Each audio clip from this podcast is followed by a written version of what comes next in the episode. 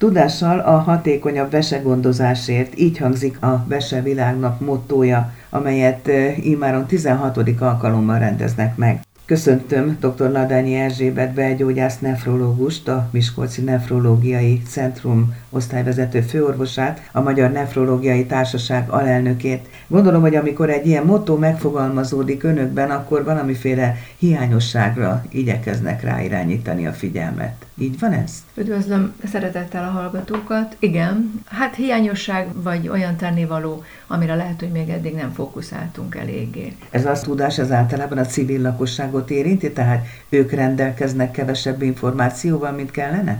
Igen, nemzetközi tapasztalat, hogy a civil lakosságnak, az átlagpopulációnak nincsen elég ismerete a veséről, a vese működéséről, különösen fontos szerepéről, és nem csak a civil lakosság, hanem a már valamilyen mértékben érintett vesebetegek esetében is fontos fölhívni figyelmet, illetve edukálni őket. Na de hát ez tulajdonképpen a gyógyító orvosokon múlik elsősorban, és a szakdolgozókon nem, hogy elegendő információ jut-e el vagy sem. Lehet így egyszerűen is fogalmazni és gondolkodni, ugyanakkor az a tapasztalat, hogy az orvosoknak nem biztos, hogy van elég idejük, a szakdolgozók és a szociális munkások, dietetikusok, ápolók vannak talán többet, vagy tudnak többet foglalkozni időben a betegekkel, tehát ránk orvosokra, illetve a szakápolókra helyeződik a hangsúly a felvilágosítást illetően, illetve nagyon fontos üzenete ennek az idei vesevilágnapnak, hogy talán társadalmi összefogásnak lenne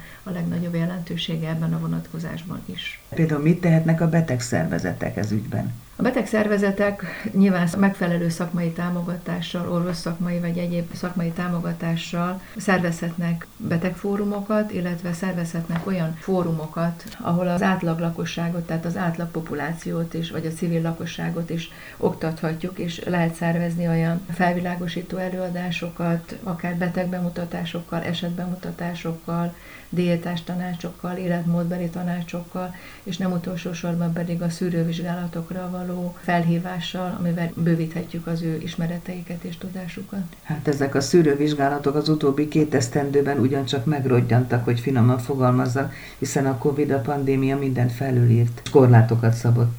Igen, ez kétségtelenül így van sajnos.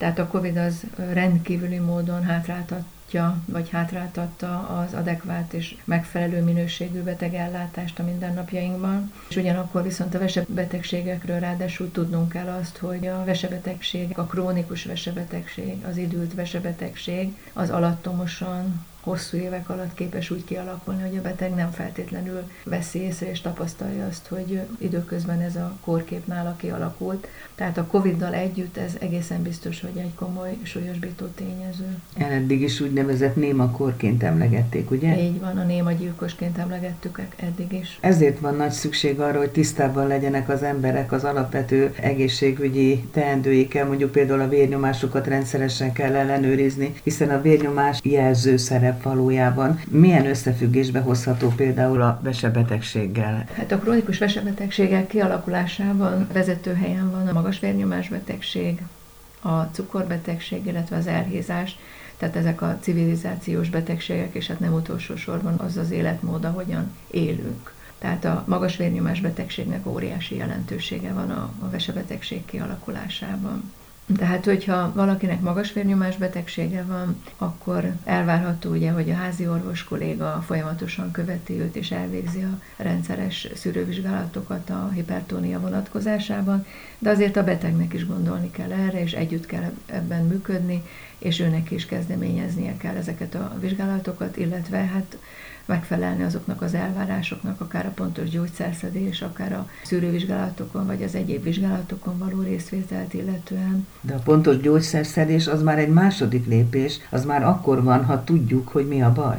Így van. De hát ugyanilyen elvárás lehet a szűrővizsgálatok vonatkozásában az is, hogyha valaki cukorbeteg, vagy ha valakinek a családjában tudjuk, hogy akár cukorbetegség, akár magas vérnyomás betegség, vagy netán örökletes vesebetegség előfordult, ezeket a pácienseket, vagy potenciális vesebetegeket mindenképpen szűrni kell. Az időben. igaz, hogy a cukorbetegség többnyire karöltve jár a vese problémával? A kettes típusú diabéteses betegeknél minimum a 30-40 százalékánál várható hogy a krónikus vesebetegség kialakul, ugyanígy a magas vérnyomás esetében szintén, sőt nagyobb arányban, és hát mind a két betegségre azt szoktuk mondani, hogy ezek nem kívánatos házasságok tulajdonképpen, akár a magas vérnyomás, akár a diabetes plusz a vesebetegség.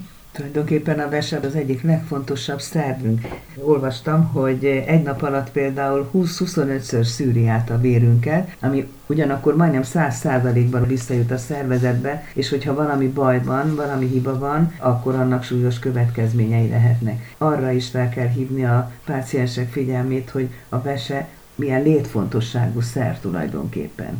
Szomorú tapasztalat, hogy nagyon sokszor a lakosság nem is biztos, hogy tisztában van azzal, hogy hányféle és milyen összetett szerepe van a veséknek, és éppen ezért is szól talán ez a Vesevilágnap az idén arról, hogy valahogy hozzuk közelebb a lakossághoz ezeket a tudnivalókat és ismereteket, és próbáljuk meg áthidalni ezt a szakadékot a vesebetegség ismerete és a, a hiányzó ismeretek között. Gondot okoz az is, hogy kevésbé lehet figyelni a tünetekre, mert amikor a tünetek jelentkeznek, akkor már komoly baj van. Nagyon sokféle szerepe van a vesének, összetett szerepe van, ezért a legkülönbözőbb módon jelenhetnek meg a tünetek. Például ugye, hogy növekszik éppen a napi vizelet mennyiség, akár pedig csökkenhet bizonyos esetekben aztán észrevétlenül, de csökken a betegnek a testsúlya, vizenyős lesz esetleg a szem körül, vagy éppen a bokatájon jelentkezik vizenyő, gyengébb lesz az előzőekhez képest, vagy fáradékonyabb, vagy aluszékonyabb lesz, kevésbé tud koncentrálni, alvászavar jelentkezik, lehet, hogy éppen nem tud aludni, vagy túlzottan aluszékony, romolhat az étvágy, szárazabbá válik a bőr, testszerte bőrviszketés jelentkezhet, elszíneződhet a bőr, és ami nagyon fontos, hogyha laboratóriumi vizsgálatok vonatkozásában gondolkodunk, akkor vérszegénység jelentkezhet a vérben, megemelkedhet a szint, ami ugye többek között a szívműködésre káros lehet, egyéb csontanyegcsere zavar, D-vitamin képződési zavar jelentkezhet, vérnyomásban lehet komoly probléma, illetve magas vérnyomássá válnak a vesebetegek, akiknek esetleg az előtt nem is volt magas vérnyomás betegségük. Tehát azt lehet mondani, hogy alig-alig van olyan élettani folyamata a szervezetünkben, amiben valahol nincsen szerepe a mi vesénknek. A szűrővizsgálat egyébként milyen időközönként ajánlatos, és miből áll? Ha csak a gyanút keressük, akkor tulajdonképpen néhány laboratóriumi vizsgálat, vérkép, vesefunkciós vizsgálatok nagyjából ismert a köznapi nyelvben is az úgynevezett EGFR vizsgálat, ami a vese működésére ad egy becslést, hogy vajon mire képes a két vese, és mekkora az a funkció, amit ő még be tud tölteni, vagy a méregtelenítésben el tud végezni. Milyen arányban tudja megtisztítani tulajdonképpen a vért a fölös salakanyagoktól, ezen kívül vérképet érdemes vizsgálni, érdemes megnézni az ultrahanggal a veséket, tehát ezek az legfontosabb. Néhány laboratóriumi vizsgálat és egy vese ultrahang. Természetesen nagyon függ attól, hogy mi az a betegség, ami fennáll, vagy ami felveti a gyanúját annak, hogy vesebetegséget keres. Mikor beszélünk veseelégtelenségről?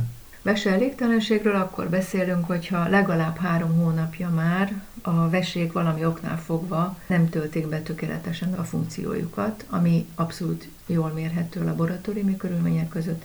Ez az a bizonyos EGFR érték, amiről az előbb beszéltem, illetve a vérben a salakanyag szint emelkedhet, ez a konkrétan a karbavid nitrogén, illetve a kreatinin érték. De ezt maga a páciens ezt kevésbé veszi észre magán otthon. Milyen tünetei vannak még, amik arra utalhatnak, hogy na most kocogjon el az orvoshoz? Azt fontos hangsúlyoznom, hogy mi belgyógyász nefrológusok olyan típusú vesebetegségekkel foglalkozunk, amelyek nem feltétlenül okoznak dübörgő, nagyon kifejezett tüneteket, vagy görcsöt, vagy ilyesmi. Természetesen fordul ilyen elő, de ez a ritkább. Tehát éppen ez a belgyógyászati jellegű vesebetegség és a krónikus vesebetegség, ami a diabetes, hipertónia, elhízás, rökletes betegség, immunológiai betegség következtében alakul ki, az általában sajnos, azt kell mondjam, nem okoz tüneteket. Azt hogy képzelje el a Magyar Nefrológiai Társaság, hogy össztársadalmi feladat legyen a vese gondozással, a vese betegséggel kapcsolatos tudás széles körű elterjesztése. Nagyon jó példák állnak előttünk. A stroke-ról, ha bármelyik social médiát kinyitjuk, akkor már lehet olvasni, hogy milyen tünetek vannak, milyen tünetek jelentkeznek, amivel abszolút felmerül a stroke a gyanúja, és a legsürgősebben kórházba kell bejutni.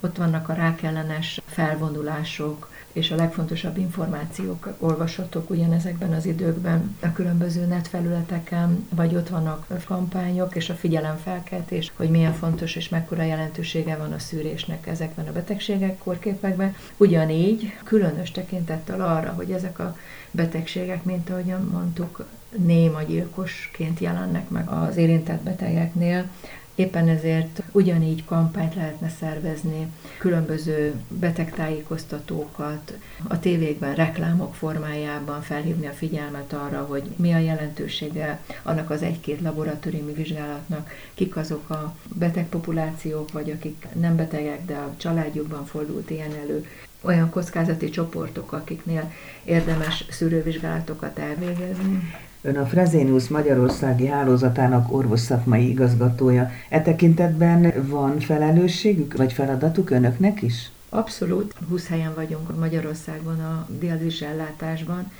és hát szinte minden kórházban, mind a 20 helyen az én kollégáim azok, akik úgy egyébként a nem dializált, tehát a művesekezelésre nem járó vesebetegeket gondozzák és hát a gondozásnak a vesebetegek ellátásában óriási jelentősége van. Ezen belül is annak különösen, hogy a felismert vesebeteg mi hamarabb kerüljön nefrológushoz, és találja meg a házi orvos, és időben küldje nefrológiai szakrendelésre őket. Beszélünk némakorról, beszélünk a felvilágosítás jelentőségéről, beszélünk a társadalmi szervek feladatáról, beszélünk arról is, hogy tulajdonképpen hány ember érintett krónikus vesebetegség szempontjából.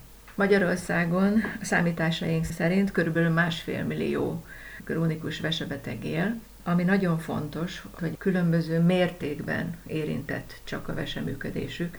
Tehát ugye a krónikus vesebetegségnek vannak stádiumai 1-től 5-ig, és a másfél millió embert tulajdonképpen ebben kell érteni, hogy él itthon Magyarországon másfél millió olyan ember, akik valamilyen mértékben már beteg, érintett.